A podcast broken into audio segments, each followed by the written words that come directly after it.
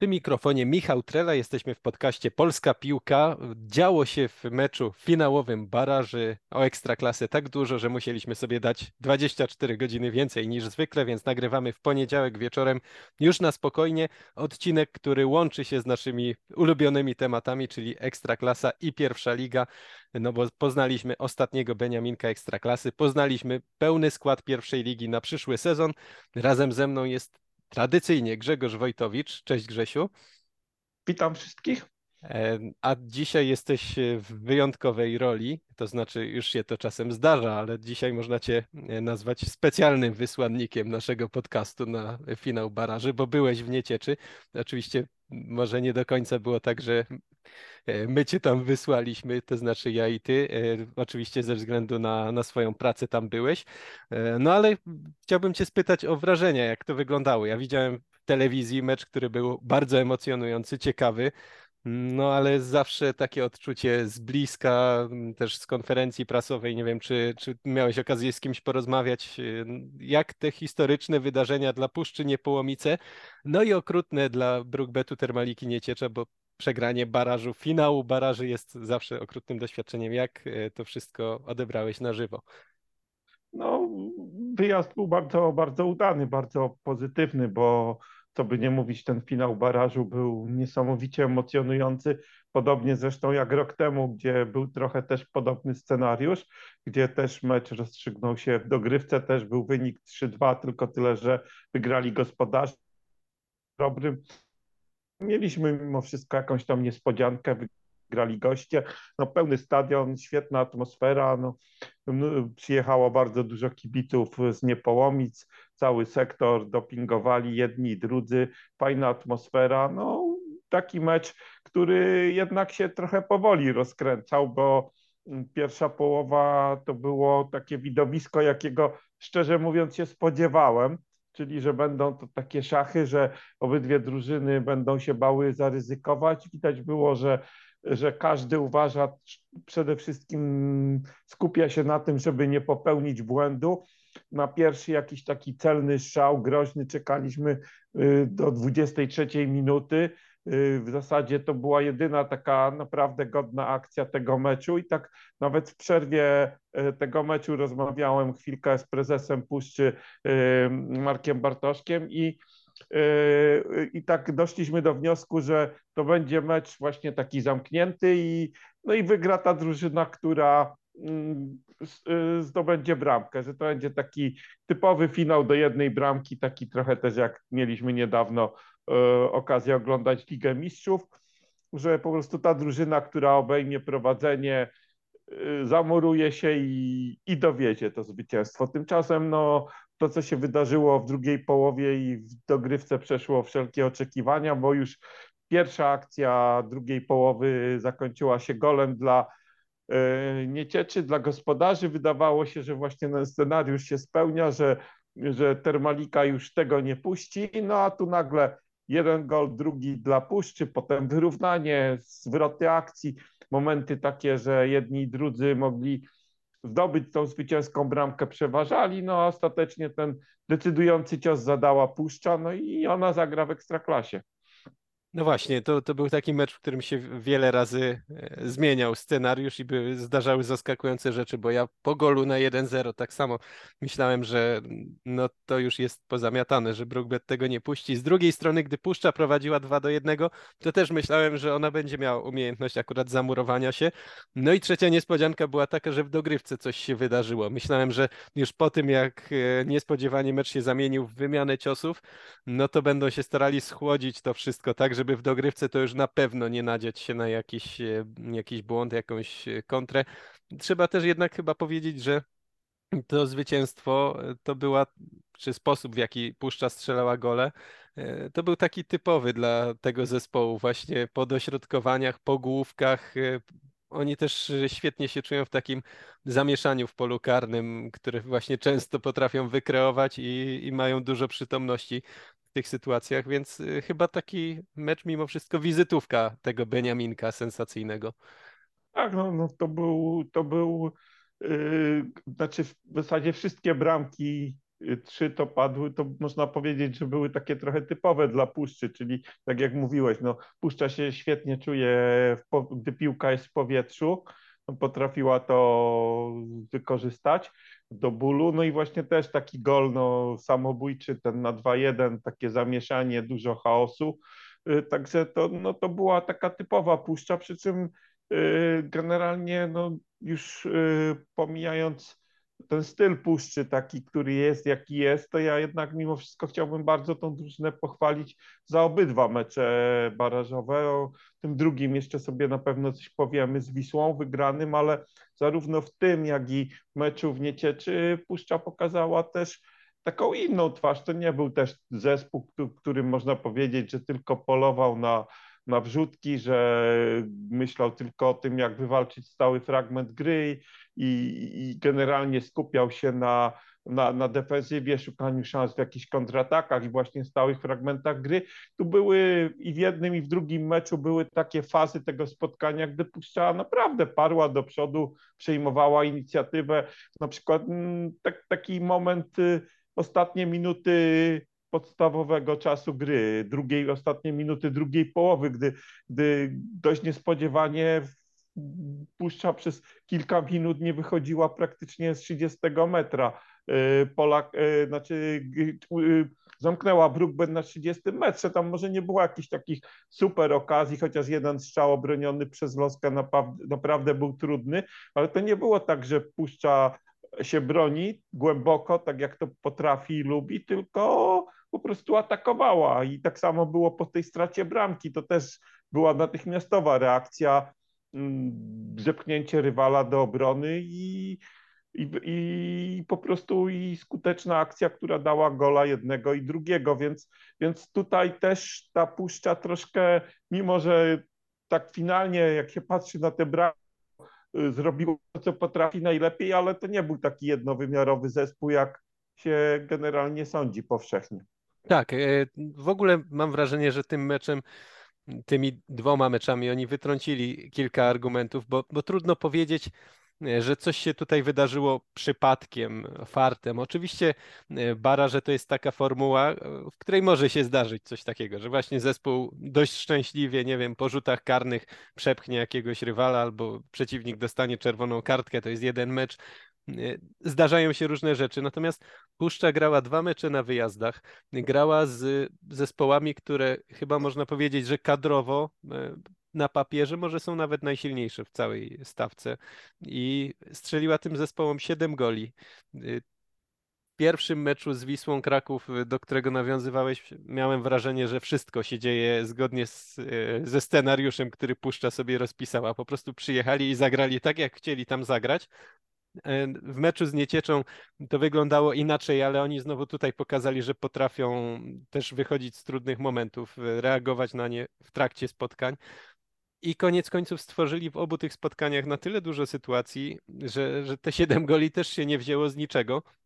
W związku z tym, no, trudno tutaj puszczy cokolwiek zarzucić. Oczywiście myślę, że to też jest moment, e, w którym można tę debatę o puszczy zacząć, bo jest takie grono osób, oczywiście widzę, widzę to w komentarzach głównie na Twitterze, które mówi, że zachwycanie się puszczą tym jej sposobem gry, no to to nie jest dobra droga, no bo puszcza oczywiście oprócz tego, że ma ciekawe fazy, ma świetne stałe fragmenty gry, 36 goli e, po różnego rodzaju stałych fragmentach gry w tym sezonie. To jest sztuka. E, naprawdę sztuka, zwłaszcza, że wszyscy od lat wiedzą, że puszcza tak robi. No ale to też jest y, umiejętność y, kradnięcia czasu, przerwania akcji rywala faulem w jakimś trudnym momencie. Puszcza w ogóle zwyczajnie dobrze broni. I, no i często takie zespoły są krytykowane i, i trenerzy nie lubią czegoś takiego. Jest to traktowane jako no, taki typowa polska siermiężna piłka z niższych lig, chociaż tego typu zespoły występują w każdym chyba kraju świata, więc ja tej krytyki nie rozumiem, nie podzielam, ale, no ale ty na te puszcze Tomasza Tułacza jeździsz e, od lat, widziałeś jej e, lepsze i gorsze momenty. Jak ty podchodzisz właśnie do, do tego stylu gry Tomasza Tułacza? Czy to jest tak, że no on sobie zbudował pomnik i, i jest właściwie nietykalny i nie można nic złego powiedzieć. No czy, czy jednak trochę przesadza grając od lat w taki sposób? Znaczy ja powiem tak, ja, ja generalnie należę do, e, do tych krytyków takiego sposobu gry. Mnie taki futbol nie zachwyca i nie lubię takiego futbolu oglądać, e, abstrahując od tego, że on jest, potrafi być skuteczny. Nie mówię, że jest, ale potrafi być skuteczny. Rzeczywiście no, na mecze Puszczy jeżdżę od, nie wiem, chyba ponad 10 lat. Jeszcze pamiętam Puszczę Dariusza e, Wójtowicza, gdy oni pierwszy raz przebili się do, do pierwszej ligi potem spadli, grali w drugiej lidze i właśnie w pewnym momencie tą drużynę przejął Tomasz Tułacz, no i y, było to bodajże w sierpniu 2015 roku i do tej pory chyba nie ma na poziomie centralnym, czyli myślę o tych trzech ligach. Y, nie ma, nie ma. Bez, bez chyba. Y, bez chyba. Także zaasekurowałem się, no ale byłem raczej jednym przekonany, że trenera, który by miał tak Y, taki staż, takie zaufanie i takie po prostu możliwości, taki spokój, bo y, kilka razy ta puszcza naprawdę wygląd miała okresy, że grała bardzo słabo i, i, i tam nawet nie było mowy o tym, żeby ktoś pomyślał o zmianie trenera. Jeszcze poprzedni sezon, jesień 2021, Puszcza wtedy y, no, wyglądała fatalnie. Oni przegrali, pamiętam, sześć meczów u siebie ligowych. Myślę, że y, niewiele jest klubów na świecie, y, znaczy w Polsce, może na świecie nie, a na świecie pewnie też, w których trener coś takiego by przetrwał. Yy, nie wiem nawet, czy, czy, czy w Rakowie Częstochowa by wytrzymali, gdyby Marek Papszun taką serię, yy, powiedzmy w pierwszej lidze, czy, czy jeszcze w drugiej, jak tam pracował, zafundował. No ale tam, yy, tam po prostu to wytrzymano. No, generalnie Puszcza zawsze była klubem, który, którego jedyną ambicją było utrzymanie się i tam nikt wyższych celów nie stawiał. Y, pokazanie się w Pucharze Polski, co też jej się udawało, bo chyba trzy razy była w ćwierćfinale Pucharu Polski, czyli osiągała całkiem przyzwoite wyniki, to, to, to, to też świadczy o tym, że z drużynami z ekstraklasy je eliminować. Zdarzało się albo toczyć wyrównane mecze. Y, no ale, ale już wracając, bo tak troszkę odbiegłem od tego wątku. Ja generalnie, jeśli chodzi o ten styl gry, nie byłem zwolennikiem tego i i po prostu mi się ten styl gry nie podobał. Natomiast ja zauważam, że Puszcza się trochę zmieniła. To nie jest już tylko taka drużyna, jaka była, nie wiem, jeszcze dwa lata temu. Myślę, że taki przełom nastąpił na wiosnę 2022 roku. Wtedy Puszcza była zagrożona spadkiem, tam w zimie trochę powzmacniano tą kadrę, pozmieniano zawodników i od tej wiosny Puszcza już gra dobrze, bo już wiosną poprzedniego sezonu Puszcza wyglądała bardzo, znaczy wyglądała, zaczęła osiągać dobre wyniki i to się przełożyło na ten sezon. Ta drużyna w zasadzie wtedy została tak, tak naprawdę te podstawy tej drużyny zbudowane i mm, po prostu no, w tych, przynajmniej w tych barach, oczywiście w tym sezonie było wiele meczów takich puszczy, których nie dało się oglądać. Ja pamiętam byłem na meczu Puszczy z Brookbetem jesienią 0-0, gdzie to po prostu było koszmarne widowisko, coś strasznego.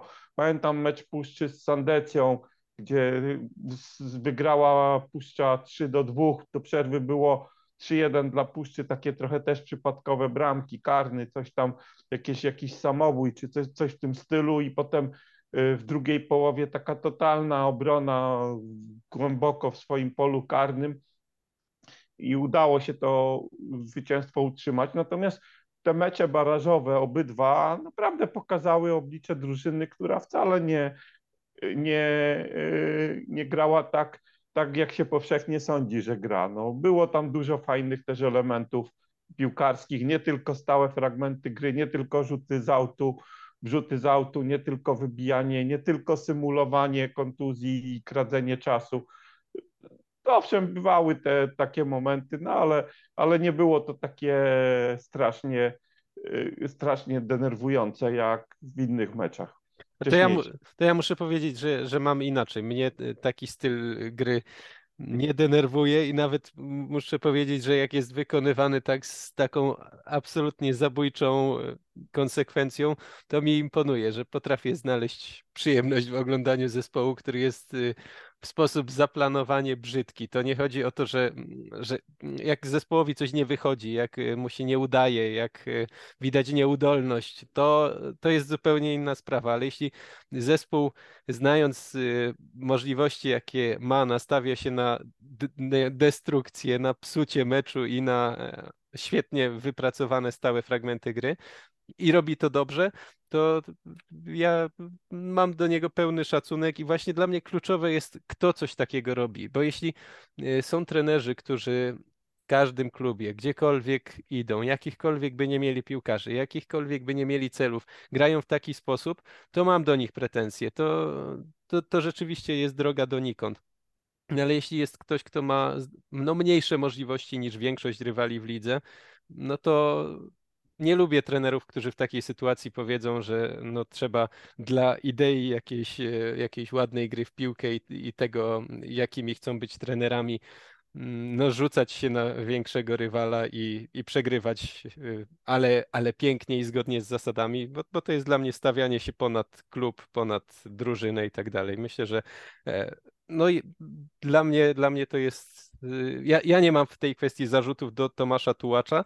E, przy czym myślę, że najbardziej niesamowite w tym awansie jest to, że, że oni potrafili to zrobić właśnie no bo dopóki to było w grze o utrzymanie, no to no, musisz wygrywać mniej meczów, żeby się utrzymać, więc wiadomo, że jesteś w stanie urwać trochę punktów biegając za piłką i zaskakując faworytów, ale tutaj jednak czasem Puszcza już przystępowała w roli faworyta do meczów. E, już musiała czasem poprowadzić grę, a mimo wszystko oni potrafili uzbierać tyle punktów, żeby awansować do ekstraklasy. My, paradoksalnie myślę, że teraz może im być z takim stylem gry trochę łatwiej, bo pewnie nie będzie w ekstraklasie ani jednego meczu, w którym ktoś będzie od nich oczekiwał prowadzenia gry, w których przeciwnik zostawi im piłkę i oni będą się musieli męczyć, co z nią zrobić. W każdym meczu będzie jasny układ, że to Puszcza jest chłopcem do bicia, a e, rywal musi jakoś e, się do niej dobrać. I to jest dla, dla Puszczy najlepszy możliwy z układów. Tak, tylko wiesz co, może tak, no e, wiesz, no Puszcza miała takie mecze, miała na przykład niedawno taki mecz, w którym była zdecydowanym faworytem i który powinna wygrać, który nawet w przypadku zwycięstwa dawał jej ewentualnie możliwość bezpośredniego awansu i oblała ten egzamin. Nie, nie tak, to się, nie, ja, się, ja się tu nie zgodzę, bo znaczy, nie, nie, Ochrobrego, no, że, że oblała, tak. bo, bo znaczy, ten... Nie mówię... no, no nie, chcę to... powiedzieć, że oni w tym meczu z Chrobrym oczywiście e, przegrali. I to była w tym sensie, no oblali, oblali test, grali u siebie, mieli wygrać to spotkanie, ale jak się to widziało, to to właśnie nie był zespół, który nie potrafi stwarzać sytuacji, yy, będąc w roli faworyta. Oni oddali 26 strzałów w tamtym spotkaniu. To był po prostu jeden z takich meczów, kiedy oddajesz 26 strzałów i nic ci nie wpada, a rywal oddaje kilka i, i strzela z tego gola, ale e, bardziej właśnie wyobrażam sobie takie mecze, no, gdzie prowadzisz grę i nie jesteś w stanie w ogóle wejść w pole karne. Mi bardziej chodziło o to, że oni tu byli po prostu takim faworytem. Natomiast mhm. i w jednym i w drugim meczu występowali z pozycji, aha, my możemy, ale nie musimy. Natomiast tam, tam była sytuacja taka, no to jednak my musimy, a nie rywal. Mhm. I, i, I myślę, że, tu, że to też no, no, to, że mówisz, że są takie mecze, oczywiście są, że oddajesz ileś tam strzałów i, nie, nic ci nie wpada, no ale to się też czasem z czegoś bierze, może z jakiejś takiej nadmiernej presji yy, i tak dalej, właśnie z tego poczucia, że, yy, że to ty jesteś tą drużyną, która musi, a nie może. Natomiast w parażach może, może mieli właśnie trochę tego luzu takiego, że aha, no fajna przygoda, gramy sobie na luzie, to rywal jest spięty, to rywal musi. Także oczywiście no, Puszcza zdobyła tak dużo punktów, wygrała tak dużo meczów w tym sezonie, że naprawdę trudno, trudno ją winić za, za jakiś styl gry. Natomiast, natomiast y, też myślę, że ten styl gry może być skuteczny w ekstraklasie i skuteczniejszy czasem niż właśnie ta, takie, taki styl gry, jaki na przykład prezentowała Miedź i Legnica w poprzednim sezonie. Może to być po prostu dla takiego Beniaminka korzystniejsze. Natomiast no oczywiście teraz Y, wszyscy, wszystkie oczy są w futbolowej Polsce są zwrócone na puszczę, każdy y, opowiada o pięknej historii, ten, ten, ta, ta piękna historia, ta, ta zbitka słowna, to już po prostu mm, mam jej dosyć, bo, bo po prostu nie wiem, kto, kto jeszcze w kontekście puszczy jej awansu nie użył tego, tego sformułowania, no ale, ale, ale tak jest, no tak jest, no i tyle. Natomiast jeśli puszcza, y, ty mówisz tutaj o tej umiejętności kradzenia czasu i tak dalej, no ale oni są też troszkę w takiej sytuacji, że ta sympatia może się odwrócić, no bo jeśli y, w każdym meczu w ekstraklasie y, bramkarz Kevin Komar przy pierwszym wprowadzaniu piłki do gry będzie to robił przez 10-12 sekund i kradł czas, to, to ta sympatia może odlecieć. No, trzeba y, korzystać ze swoich atutów, trzeba kraść czas, jak, jak, jak drużynie jest to potrzebne. Natomiast jeśli to będzie robione zbyt ostentacyjnie, to ta sympatia może się odwrócić i tutaj jest właśnie taka malutka czerwona lampka, która się może zapalić przy puszczy. Znaczy ja... chodzi o jej grę w Ekstraklasie. No to ciekawe, bo ja do niej odczuwam sympatię, ale to jest taka sympatia, jaką się czuję do no, takiego, no w, w, jakiejś, w jakimś filmie, no czarny charakter, ale taki z błyskiem w oku i z, z przymrużeniem oka, z jakimś wdziękiem, bo e, no ale jednak czarny charakter. No dla mnie Puszcza to jest zespół, który właśnie psuje wszystkim zabawę, którego się zwykle nie da oglądać i, i, i nie mam wątpliwości, że to nie będzie to znaczy... zespół, którego wszyscy, który wszyscy chwalą. To właśnie będzie to znaczy, zespół, który wszystkich razie... będzie irytował, ale... Ale na, na razie 90% y, kibiców klubów ekstraklasy y, i nawet, nawet dziennikarzy i fachowców po prostu nie, nie zna tego jak No właśnie, bo, bo to się mo może brać raz, z nieoglądania ten, ten bara, Te baraże no. troszkę pokazały inne oblicze tej drużyny i po prostu na razie to jest piękna historia. Po raz kolejny tego sformułowania użyję. Y, klubu z małego miasteczka, z małym budżetem, z złożonego z nieznanych piłkarzy, którzy utarł Wiśle Kraków, utarł pod, pod y, Burgbetowi, jeszcze paru innym klubom, które miały ogromną ochotę na awans i awansował do ekstraklasy. Więc ja myślę, że taki obraz jest w tej chwili tego klubu, a nie obraz, y, nie wiem, puszczy z meczu y, z Brookbetem, ale tego jesiennego ligowego. Więc, no bo trzeba rozdzielić po prostu e, tak. piękny obraz klubu i całej historii, a piękny obraz meczów, bo, bo tego tak, nie, no jeszcze, nie jeszcze tak no. właśnie mówię, no byłem też, te, też na meczu Puszczy chyba z Resowią Y, na wiosnę 0-0 też, też, też, też no, prze, prze, przednie widowisko. Łącz, tak, tak pod, podglądam łączny, łączny XG obu zespołów z tego meczu 0,88, czyli nawet, nawet y, obie drużyny razem wzięte nie uzbierały sytuacji na jednego gola. No, no. no. no. Pamiętam, Ale... że też, też wtedy właśnie spotkałem prezesa mm, Puszczy i tak w przerwie i, i, i, on nawet do mnie zagadał, no cóż, to jest mecz dla koneserów futbolu. Tak no żartem, oczywiście. No I właśnie. Mm, więc, więc mówię, że, że y, chciałbym, bardzo bym chciał, żeby Puszcza w Ekstraklasie owszem, te wszystkie swoje cechy, które dają jej powodzenie zachowała, ale żeby to był żeby to była puszcza z meczów barażowych. Yy, tak jak grała w meczach barażowych. Jeśli, jeśli zachowa ten styl gry, to, to uważam, że, że będzie fajnie.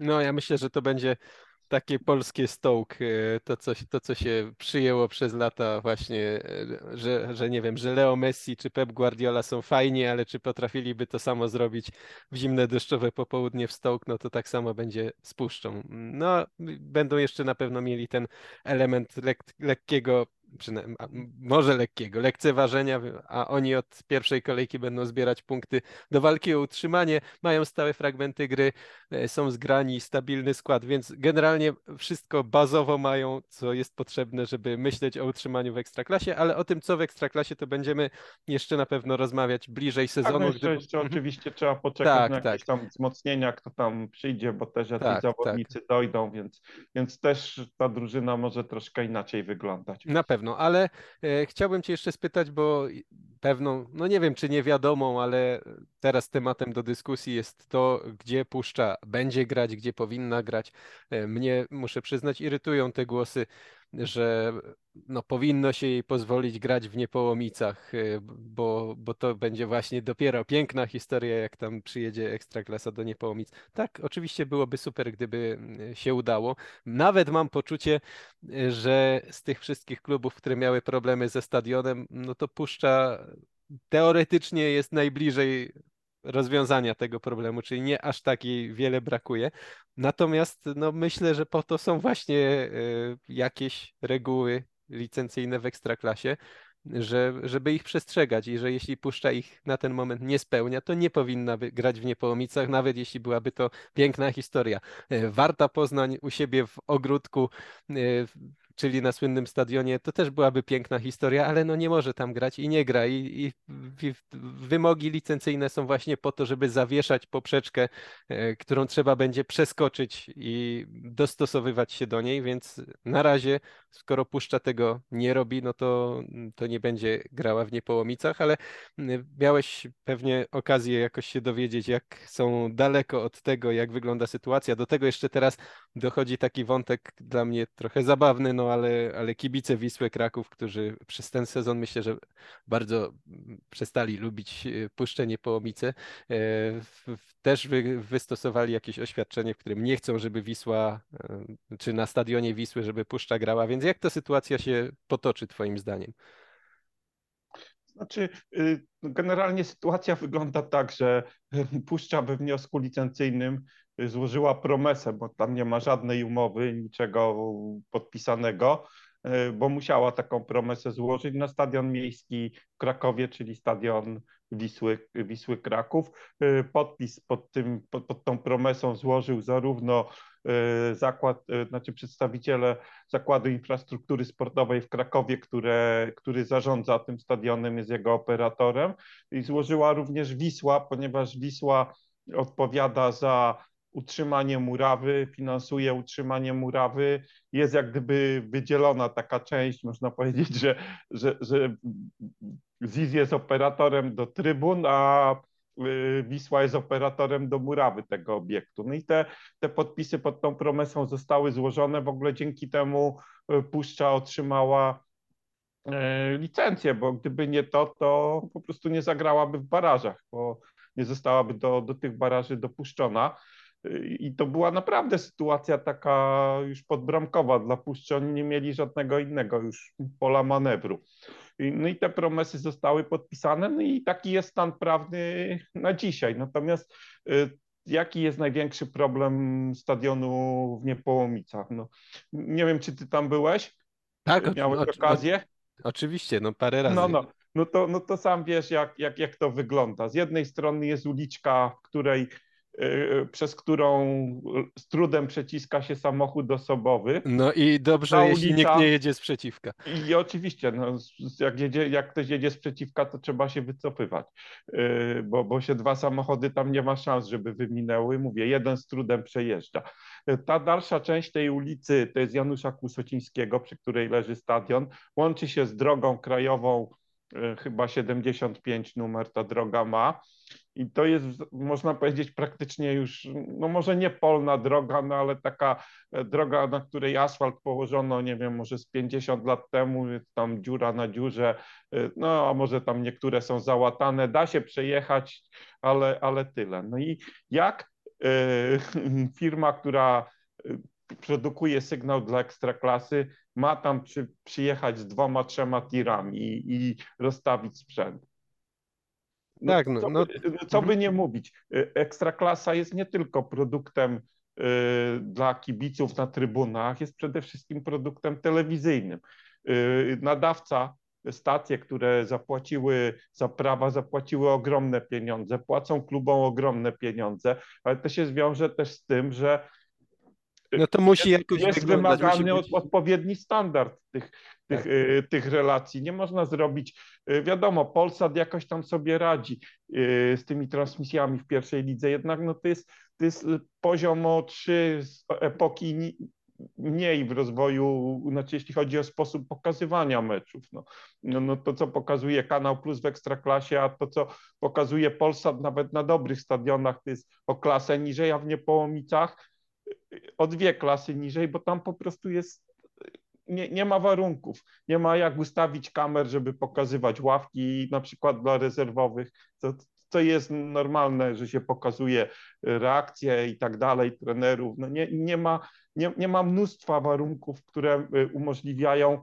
przeprowadzenie transmisji na takim poziomie, jak do jakiego są kibice abonamenci kanału Plus przyzwyczajeni, więc więc to jest największy problem. Nie, nie sam stadion, nie murawa, nie nawet pojemność, która tam nie spełnia tych wymogów, czyli 4000, tylko najzwyklej w świecie po prostu brak takiego po prostu warunków do przeprowadzania profesjonalnej transmisji. No, no, no I to czy ty, i czy ty wiesz, wie, wiesz coś o tym, bo, bo widzę oczywiście jakąś, jakieś chęci, żeby, żeby coś z tym zrobić, ale na ile realnie myślisz, że, Znaczy, no, że, no, na ile, że coś no- można z tym zrobić? No, no, no, rozmawiałem chwilkę z prezesem, no on mi powiedział, że no, no drogę może taką, żeby tam mogły przejechać tiry, to nie zrobi klub, bo to jest, y, to jest miasto, przy czym to jest jakieś połączenie z drogą krajową, więc tam trzeba jakieś pozwolenia, no inwestycje, plan inwestycyjny to nie jest tak, że nagle ktoś robi pstryk, aha, trzeba zrobić drogę, yy, wchodzi, ogłasza się przetarg i ktoś to robi. No trzeba przygotować pozwolenia środowiskowe, mnóstwo różnych rzeczy. No ja się nie znam aż tak na tych procesach inwestycyjnych, no ale sam wiesz, jak, jakie są wymagania biurokratyczne przy, przy takich, takich, yy, takich sprawach. Mm.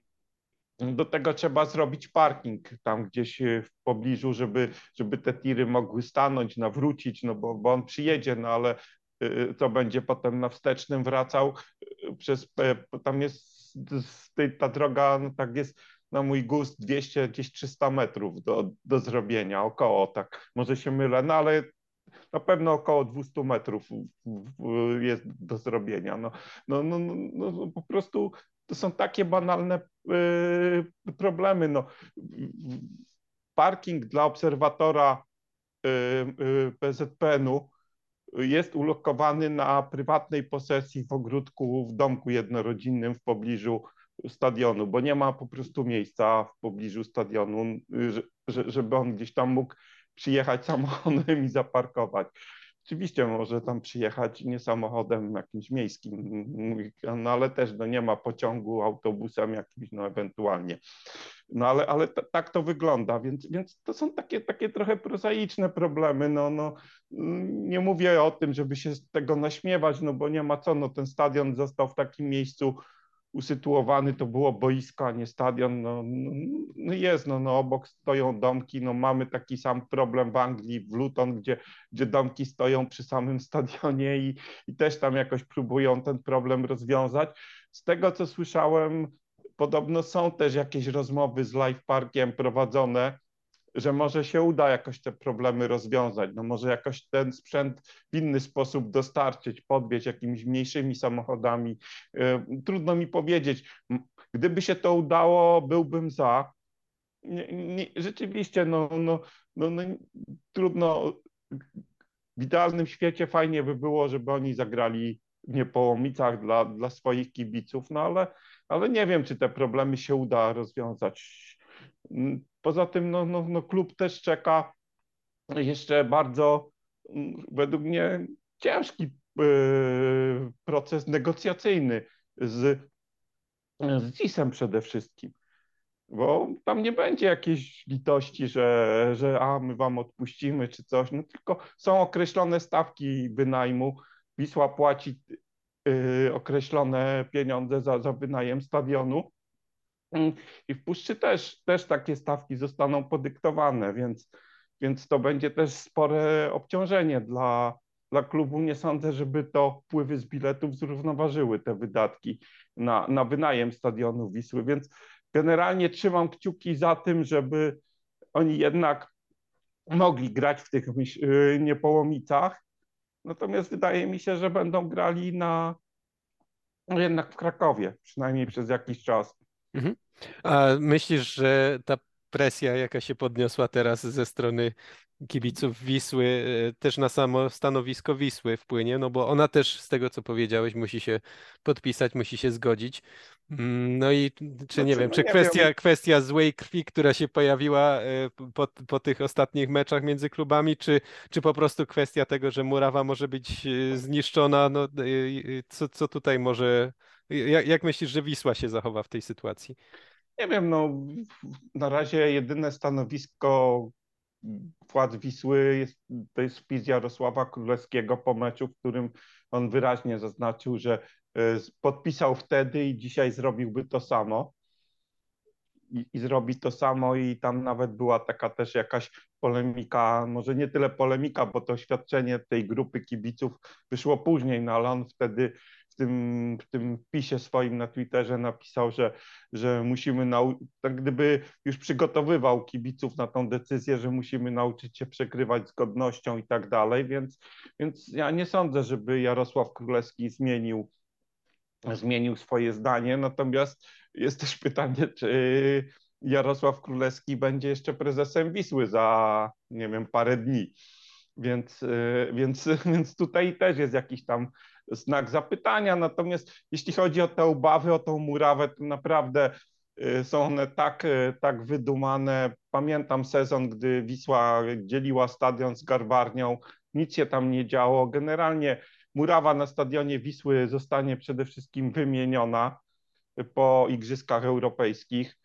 Y, będzie to nowa, zupełnie nowa murawa. Zresztą akurat stadion Wisły jest przy jakichś tam swoich wadach konstrukcyjnych, niedoskonałościach, jest tak, e, tak ma po prostu taki układ e, trybun, dachu, e, mm, układ odpowiednich wiatrów, nasłonecznienia, że tam, jeśli się dba o murawę, to ta murawa jest, jest naprawdę w bardzo dobrym stanie. Przecież Wisła ostatni raz wymieniała murawę w 2016 roku, czyli to już będzie 9 lat i naprawdę no, chodzisz na ten stadion, czy tam można było mieć jakieś zastrzeżenia. Nie mówię o tam jakichś wczesno-zimowych czy późno-jesiennych meczach, gdzie, gdzie, gdzie, gdzie, gdzie na całym świecie to jest normalne, ale generalnie jest to jedna z najlepszych muraw w kraju i, i gdyby nie te igrzyska, gdzie tam pewnie się trochę zniszczy, bo scenę będą ustawiać i tak dalej, to ta murawa w tym obecnym stanie nadal jest, można powiedzieć, idealna. I, I po prostu to, że tam puszcza, że tam odbędą się mecze co tydzień, to naprawdę nie, nic nie zmieni, jeśli chodzi o jej jakość i te obawy, że, że puszcza zryje murawę, a Kevin Komar w ogóle jak będzie udawał kontuzję, to, to, to, to, to zrobi się jakiś tam odcisk, czy, czy, czy jego ciała na, na, na polu bramkowym, to, to są po prostu no, no, no, żenujące teksty, no, jak większość oświadczeń jakichś tam grup kibicowskich, to jest zazwyczaj jeden wielki poziom żenady, no i tak jest w tym przypadku, poziom został utrzymany. Tak, zdecydowanie. No myślę, że, że no, kibicuję stanowisku tutaj Jarosława Królewskiego, zwłaszcza, że Wisła też była w sytuacji, w której wynajmowała e, inne stadiony, gdy budowała, gdy, gdy budowany był jej własny. E, też e, współdzieliła te stadiony z gospodarzami tych obiektów. Mm, oprócz tego w ogóle no, Wisła jest chwilę po akcji, w której mam wrażenie, że Solidarność okazała jej połowa kibicowskiej Polski i, i naprawdę teraz obrażanie się na puszczenie Połomice, że wygrała trzy mecze z Wisłą w sezonie, to mm, no, nie, nie, widzę w tym żadnych e, większych, głębszych argumentów niż właśnie obrażanie się, że puszcza okazała się na boisku lepsza. E, tak, Dobrze. to jest takie hmm? troszkę, no, troszkę takie na zasadzie, no nie wiem, no, że, że ktoś słabszy mi, teoretycznie słabszy, no, no, no, no, no zrobił to, co, to, co ja chciałem, no ale to, ja, ja chciałem, no. ale, on ale potrafił, ja, mam, a ja nie. No, tak, no a, a, teraz ja mam coś, czego on chce, no to, to złośliwie mu y, utrudnię życie. No. Y, ja, ja, myślę, że, że nie wiem, no ta, ta, ta grupa, że, że tutaj no jest to jakieś tam stanowisko, nie sądzę, żeby tu na tym tle doszło do jakiejś, jakiejś eskalacji. No zobaczymy. No. Oczywiście pewne zagrożenia jakieś tam, tam, tam są. No. Dla Puszczy też, no bo tu będą przyjeżdżać jacyś tam kibice drużyn przeciwnych Y, którzy na przykład nie są, nie są jakoś tam y, przyjaźnie do Wisły nastawieni. No, no ale, ale, no ale to, to wtedy też te kluby odpowiadają za zachowanie tych kibiców i, i, i, i te kluby wtedy ponoszą koszty, koszty jakiejś tam dewastacji stadionów czy czegoś. No, no. Mówię, na, na razie, znaczy to jeśli chodzi o tą awanturę z kibicami, to myślę, że to jest taka no, awantura typowa dla kibiców, ale ona jakiegoś tam przełożenia istotnego nie będzie miała. Natomiast no, dla Puszczy będzie ważne, żeby te, y, żeby te negocjacje, y, które jeszcze nie zostały nawet rozpoczęte z IS-em i, no i z Wisłą, to już tam pewnie nie będzie jakiegoś wielkiego problemu, no ale też trzeba tam się, się tymi kosztami podzielić, żeby to się zakończyły powodzeniem i żeby to aż tak strasznie nie nadszarpnęło ich, jej budżetu. Ale tak po cichu jeszcze może mam nadzieję, że, że, że się uda jakieś rozwiązania wypracować związane z tym, żeby grać nie po omicach, bo mimo wszystko, mimo tych wszystkich zastrzeżeń, że, że ta transmisja musi mieć jakość odpowiednią, no bo po to ludzie płacą pieniądze, abo, płacą abonament kanalu Plus, no żeby, żeby jednak zagrali tam y, u siebie. Tak, też oczywiście temu kibicuję, ale zastanawiam się, bo ty znasz Kraków y, i mm. w ogóle środowisko znacznie lepiej niż ja. Czy przyszło mi do głowy coś takiego, co oczywiście w atmosferze napiętej z, z Wisłą Kraków może być trudniejsze? Czy Puszcza grając u siebie nie, w ekstraklasie nie miałaby szansy przyciągnąć nie takich zagorzałych fanów Wisły czy Krakowi, ale po prostu fanów piłki nożnej, którzy przyszliby po prostu na jakiś tam mecz ekstraklasy, jak przyjedzie tutaj. No jednak kilka zespołów niezłych tutaj przyjedzie, e, atrakcyjnych. Czy jak sobie to jestem, jestem sceptyczny co do tego. Aha. Szczerze mówiąc, pamiętam też jak Garbarnia wynajęła stadion Wisły i, i po prostu też się wydawało, że tu będzie miała nawet całkiem niezłą frekwencję, lepszą niż na Ludwinowie, no bo raz, że lepsze, lepsze warunki do oglądania meczu i tak dalej. No, jakaś tam ciekawość tej pierwszej ligi, wtedy akurat pierwszej ligi w Krakowie nie było. I na pierwszy mecz chyba ze Stalą Mielec to, to nawet przyszło chyba ze 3000 ludzi a potem no, z każdym meczem to, to wszystko spadało, potem nawet chyba kibice Garbarni już nie bardzo chcieli chodzić. Faktem jest, że drużyna grała słabo, spadała mm, z, ekstra, z tej pierwszej ligi, ale ten jakiś taki entuzjazm był, był nie, nie, nie trwał długo i, i nie sądzę. Tu w Krakowie jest jednak no, polaryzacja, ludzie kibicują swo, swoim klubom. Oczywiście ktoś ktoś, na pewno jakaś część grupa, jakaś grupa ludzi przyjdzie, ale nie sądzę, żeby to było jakieś liczne grono. Okej, okay. czyli jest y, sam y, mag magnes tego, że przyjedzie Legia, Lech, Lech albo tak, nie poza, wiem. To... Wiesz co, ja myślę, że po prostu mimo wszystko, jak ktoś się interesuje piłką, to interesuje, to, to jednocześnie kibicuje jakiejś drużynie. A jeśli kibicuje jakiejś drużynie, to to, to zazwyczaj mu nie starcza czasu na, na to, żeby jeszcze przy okazji sobie oglądać jakiś mecz innej drużyny w tygodniu, bo w weekendy jest bardzo dużo innych rozgrywek. Jak, jak już się żyje meczem swojej drużyny, to nie wiem, ilu jest takich ludzi, że tam oblatuje w weekend dwa czy, czy cztery mecze. Myślę, że, że to jest niewielu. Dlatego mm, dlatego też nie, nie przypuszczam, żeby tutaj nagle puszcza przyciągnęła jakieś, jakieś tłumy większe. Być może po prostu trochę też te, te czasy minęły, nie wiem. Kmita, nie wiem, może, może... Kmita Zabierzów grając na, na Wawelu Kraków y, potrafił y, przyciągać tak.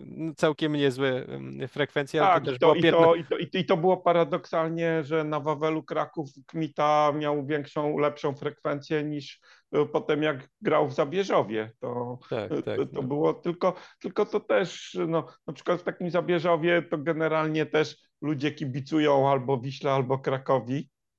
I ten Kmita to, to, to nie był klub, który, który po prostu Miał gdzieś swoich kibiców miejscowych swoich wielu. kibiców, Mhm. oczywiście. W Niepołomicach też tak trochę było, ale Mhm. i pewnie dalej jest, też jest spora jakaś grupa kibiców Wisły, spora grupa kibiców Krakowi, bo to normalne, że takie satelickie miasto przyciąga, większe kluby y, przyciąg, z Krakowa przyciągały ludzi.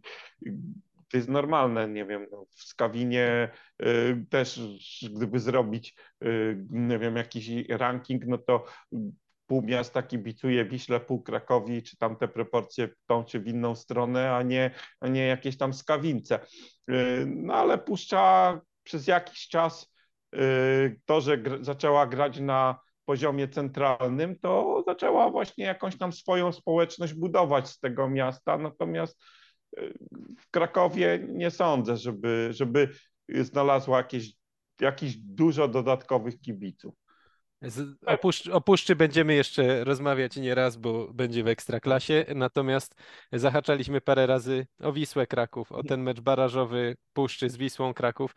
Mm, Wspomniałeś, że za kilka dni Jarosław Królewski może nie być prezesem, więc chciałbym, żebyśmy e, porozmawiali też trochę o tym, co w Wiśle i na ile przede wszystkim ten przegrany, dotkliwie przegrany mecz barażowy z Puszczą, fiasko e, walki o powrót do Ekstraklasy, zmienia Twoją ocenę sezonu, tej wiosny i tak dalej, bo, bo tydzień temu o tej porze rozmawialiśmy jeszcze o Wiśle, no raczej, raczej albo nawet zdecydowanie pozytywnie.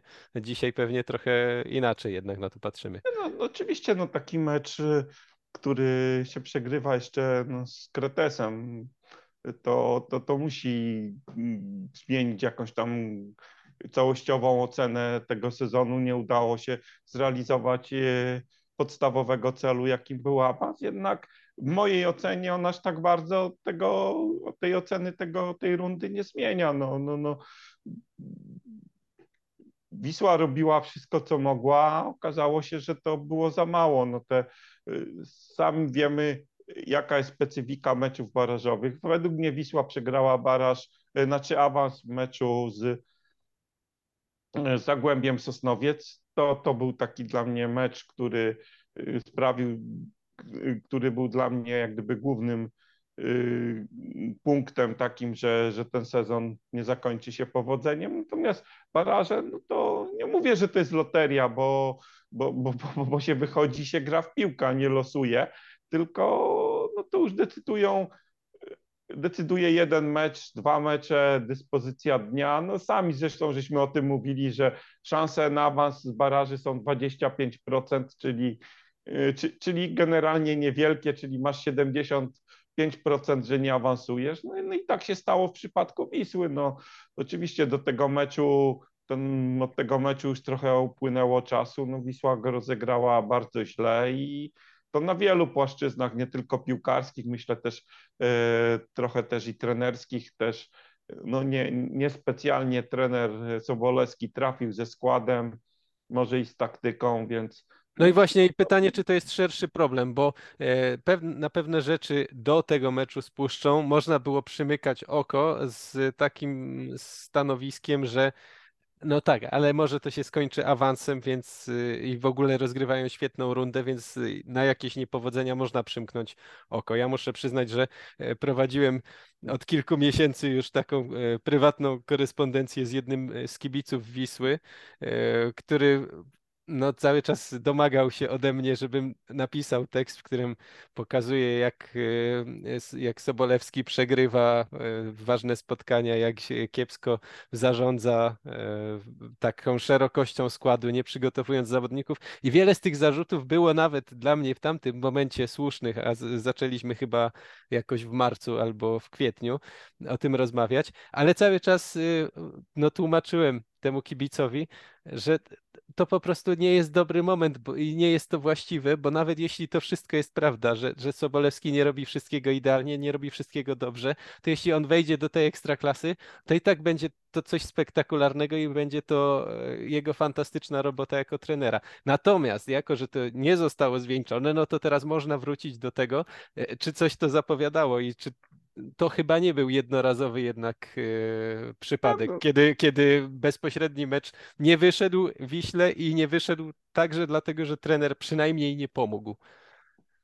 Tak, no, no, no, no te mecze, nie wiem, o których mówiliśmy wcześniej z ŁKS-em, z Ruchem, ten pierwszy mecz z Puszczą w, w Niepołomicach, no myślę, że, że tam już były jakieś takie wskazówki na to, że, że, że coś jest nie tak w takich meczach o stawkę. Ty, ty yy, byłeś przeciwny tej tezie, którą tak ja trochę próbowałem może nieśmiało postawić. Uważałeś, że, że Wisła radzi sobie z presją. No, Mhm. no generalnie jednak wyszło na to, że, że sobie chyba jednak nie radzi, bo charakterystyczne było też to, że Wisła y, zawsze, gdy y, taki słabszy mecz Wiśle przytrafiał się, gdy ona już była jak gdyby y, ten cel miała zrealizowany, na przykład w meczu z Ruchem, gdzie, gdzie, gdzie była na tym drugim miejscu, mogła to utrzymać, nie, nie potrafiła. W meczu z Zagłębiem Sosnowiec, gdy, y, gdy była na tym drugim miejscu, i też tego nie potrafiła utrzymać, że lepiej jej szło takie atakowanie. No zresztą generalnie w sporcie jest taka zasada, że się podobno lepiej atakuje niż broni swojej pozycji. I, no i Wisła jakoś sobie z tym nie radziła. Natomiast no, no każdy mecz ma swoją historię, swoje, mm, swoje decyzje takie czy inne. No też jaki jest też wpływ trenera na to, że zawodnik popełnia jakiś indywidualny błąd. No, no, no, no, no, no, nie wierzę, że trener Sobolewski powiedział, dobra, odpuśćcie sobie Sołowiowa przy kryciu, jak jest rzut roczny dla Puszczy, y, a, a tak się stało. No, no, nie było tam przy nim zawodnika i on zdobył gola na 2-0. No. Czy, czy trener za to odpowiada? Oczywiście odpowiada za to, bo on przygotowuje drużynę, no ale, ale, ale no, nie wiem, potykający się Borys Moltenis przy trzecim golu No czy- ja bym czy- miał czy o to jest- największe to jest, pretensje. To jest wina, że- wina trenera, no, że się zawodnik akurat potknął w Ale w takim takim, w momencie. takim momencie właśnie, kiedy No. cały, cały mecz próbujesz strzelić tego kontaktowego gola i kiedy to robisz, to nie dajesz sobie żadnej szansy y, stworzenia takiego kotła pod bramką rywala, bo, bo w następnej akcji się potykasz i, i tracisz gola na 1-3. To, to dla mnie była naprawdę ale- zbrodnia ta sytuacja. No tak, no tylko czy to jest wina trenera, Nie, że nie, zawodnik nie, popełnia indywidualny błąd. No, błąd popełnił może, że go wystawił, no ale miał go nie wystawić. Ja bardziej inaczej bym na ten mecz popatrzył, bo, bo mówię, Wisła zagrała ten mecz słabo. Przede wszystkim y, dla mnie no, kluczowe były błędy indywidualne. Za dużo tych błędów było i, i to miało taki kluczowy wpływ na wynik. Natomiast ja myślę, że y, Sobolewski troszkę złą strategię na ten mecz przybrał, bo ona wyglądała według mnie tak, że on chciał y, tak wbrew pozorom przetrzymać pierwszą połowę. Y, Nie rzucić się na puszczy do gardła, y, nie, nie narzucić swoich warunków, tylko oczywiście Wisła starała się zdobyć bramkę w pierwszej połowie, próbowała, ale generalnie cel był chyba taki, że jak najdłużej niech przynajmniej będzie 0-0, bo tak y, zestawił ten skład, że na ławce rezerwowych miał Bartosza Jarocha, miał Mule, miał jeszcze Igbekemę, czyli trzech zawodników, którzy według mnie w jego założeniu wprowadzeni gdzieś tak właśnie koło 60 minuty przy wyniku powiedzmy remisowym, mogli przechylić, przechylić szale. Y, To byli zawodnicy, którzy mieli jakieś problemy zdrowotne, nie byli y, go- gotowi może do gry od pierwszej minuty.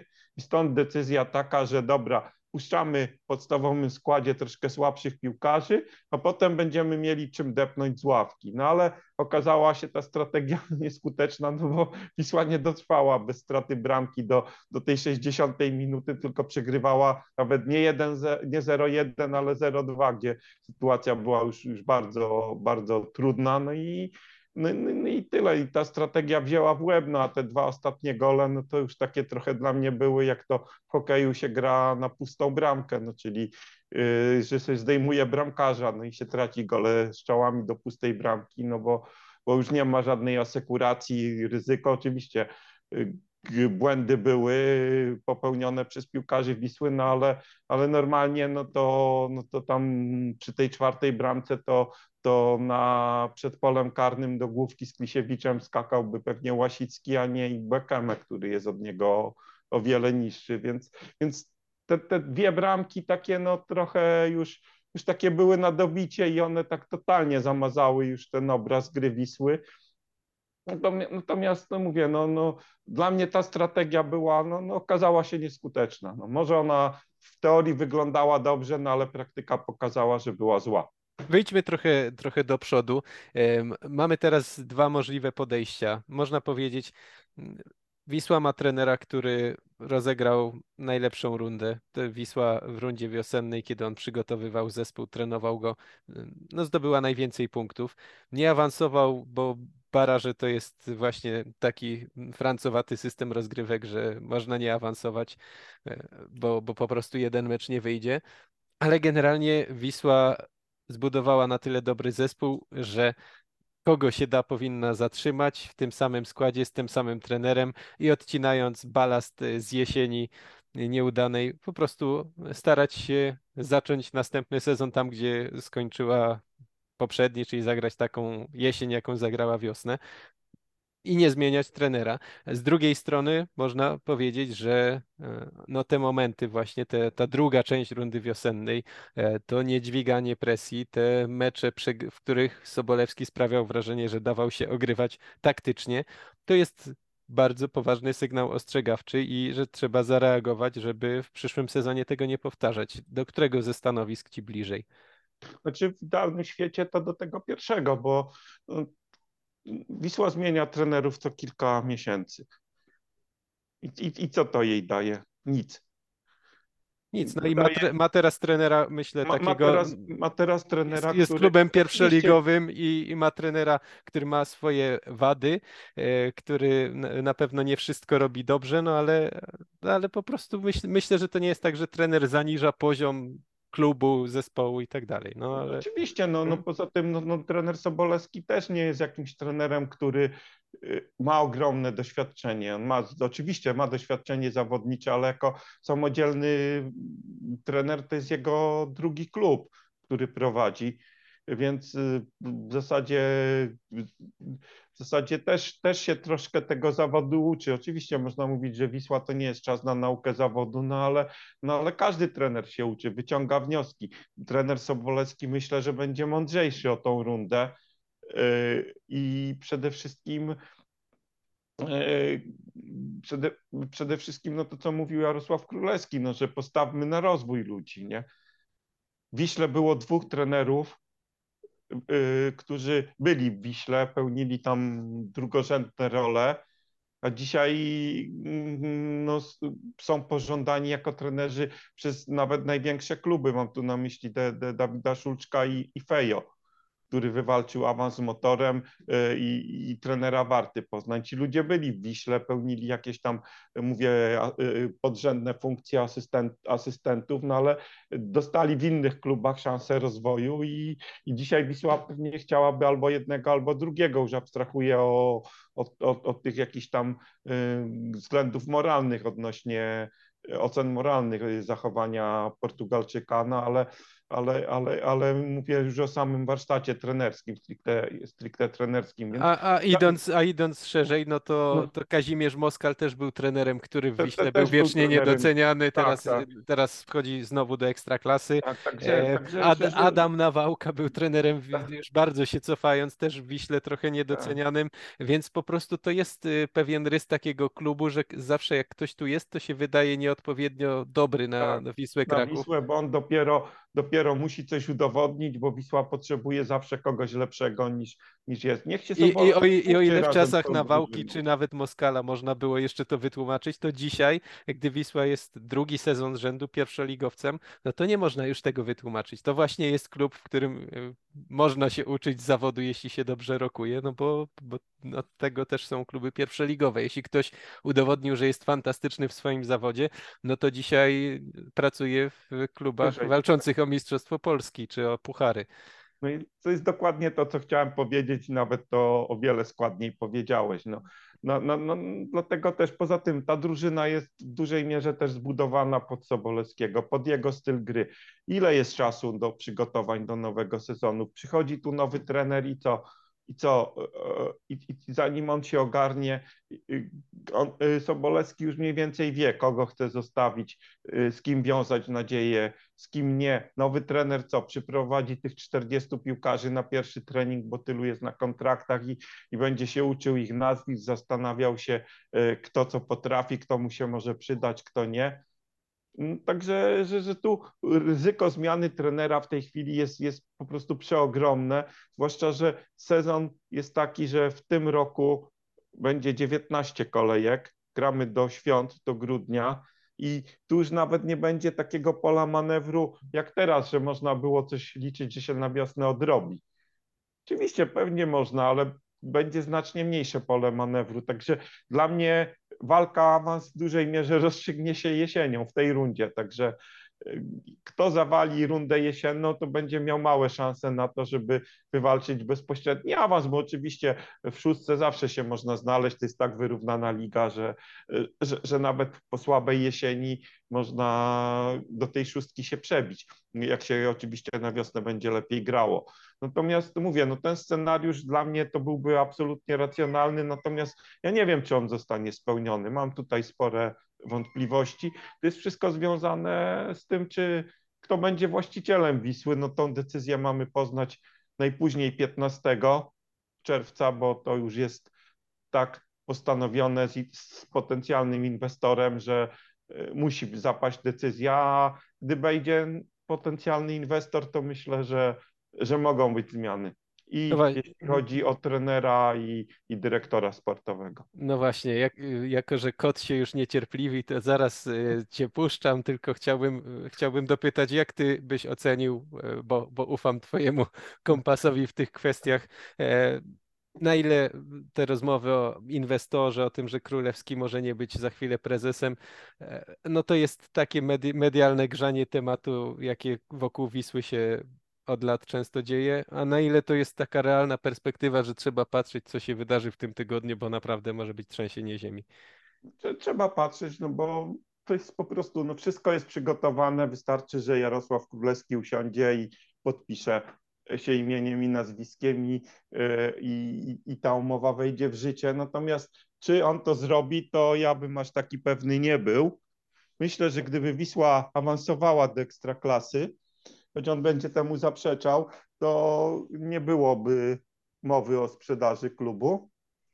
Natomiast tutaj nie wiem, czy jego będzie finansowo stać, żeby pociągnąć Wisłę samodzielnie, bez inwestora. To znaczy samodzielnie na pewno nie, ale czy ma jeszcze jakiś wariant B? No, yy, szacuje się, że Wisła ma będzie, Wiśle będzie brakowało do budżetu około 12 milionów złotych na, na ten sezon. Te pieniądze by musiał Jarosław Królewski gdzieś znaleźć, żeby, żeby zapewnić taki budżet Wiśle, jak, o jakim mówił, czyli około 25 milionów, który by był budżetem, który daje szansę na walkę o ekstraklasę, to znaczy dużo mniejsze dają szanse, no ale, ale przy kosztach Wisły, bo jednak co by nie mówić, Wisła ma zdecydowanie większe koszty funkcjonowania i to nie takie czysto sportowe, ale, ale całkiem inne, no to, no to on by te pieniądze musiał znaleźć. No, ja powiem tak, jeśli on by znalazł te pieniądze, to ja byłbym za tym, żeby został i nie chciałbym tego inwestora. Natomiast no, jeśli to miałoby się skończyć tym, że, że w październiku nie będzie za co pensji wypłacić, no to niech ten inwestor wchodzi. No ja też jakoś tak mam, że raczej kibicuję wariantowi, żeby Jarosław Królewski jakoś to poukładał. No, no, niż... powiem tak, że, że bardzo, już abstrahując od tego, czy, czy to będzie dobre dla Wisły, czy nie, jestem po prostu bardzo ciekawy, czy on jest w stanie zrobić taki właśnie projekt takiego klubu, jakiego sobie wymarzył, osiągnąć sukces y, mimo przeciwności i zbudować ten klub taki, jak sobie wymarzył właśnie w, tak, w taki sposób. Bardzo, bardzo jestem tego ciekaw, czy, czy by mu się to udało. No, może się to udać właśnie, jeśli, jeśli, jeśli będzie ten projekt kontynuował, bo dla mnie to by było takie troszkę gdyby on odszedł, takie zawieszenie w próżni, znak zapytania. Tak, to byłby ciekawy eksperyment, bo najpierw były rządy byłych znakomitych piłkarzy, y, później, później przyszły rządy kogoś uznawanego początkowo, nie tylko początkowo przez środowisko za, za kosmitę, albo właściwie byłoby powiedzieć Marsjanina, a tymczasem, no i właśnie ciekawe byłoby porównanie efektów. Może będziemy mieli okazję się o tym przekonać. Na pewno Wisła nawet grając w pierwszej lidze, dostarczy nam jeszcze wiele tematów, ale myślę, że dzisiaj możemy tutaj postawić kropkę i patrzeć na to, co się wydarzy w tym tygodniu. E, a za e, spędzony czas dzisiaj dziękujemy już e, bardzo. Był ze mną Grzegorz Wojtowicz. Dziękuję bardzo. Ja się nazywam Michał Trela. Zapraszamy do tego, żebyście słuchali, a jeśli się Wam podoba, no to zostawiali jakieś znaki, że Wam się podoba. To na pewno bardzo pomoże nam w rozwoju. Do usłyszenia za tydzień.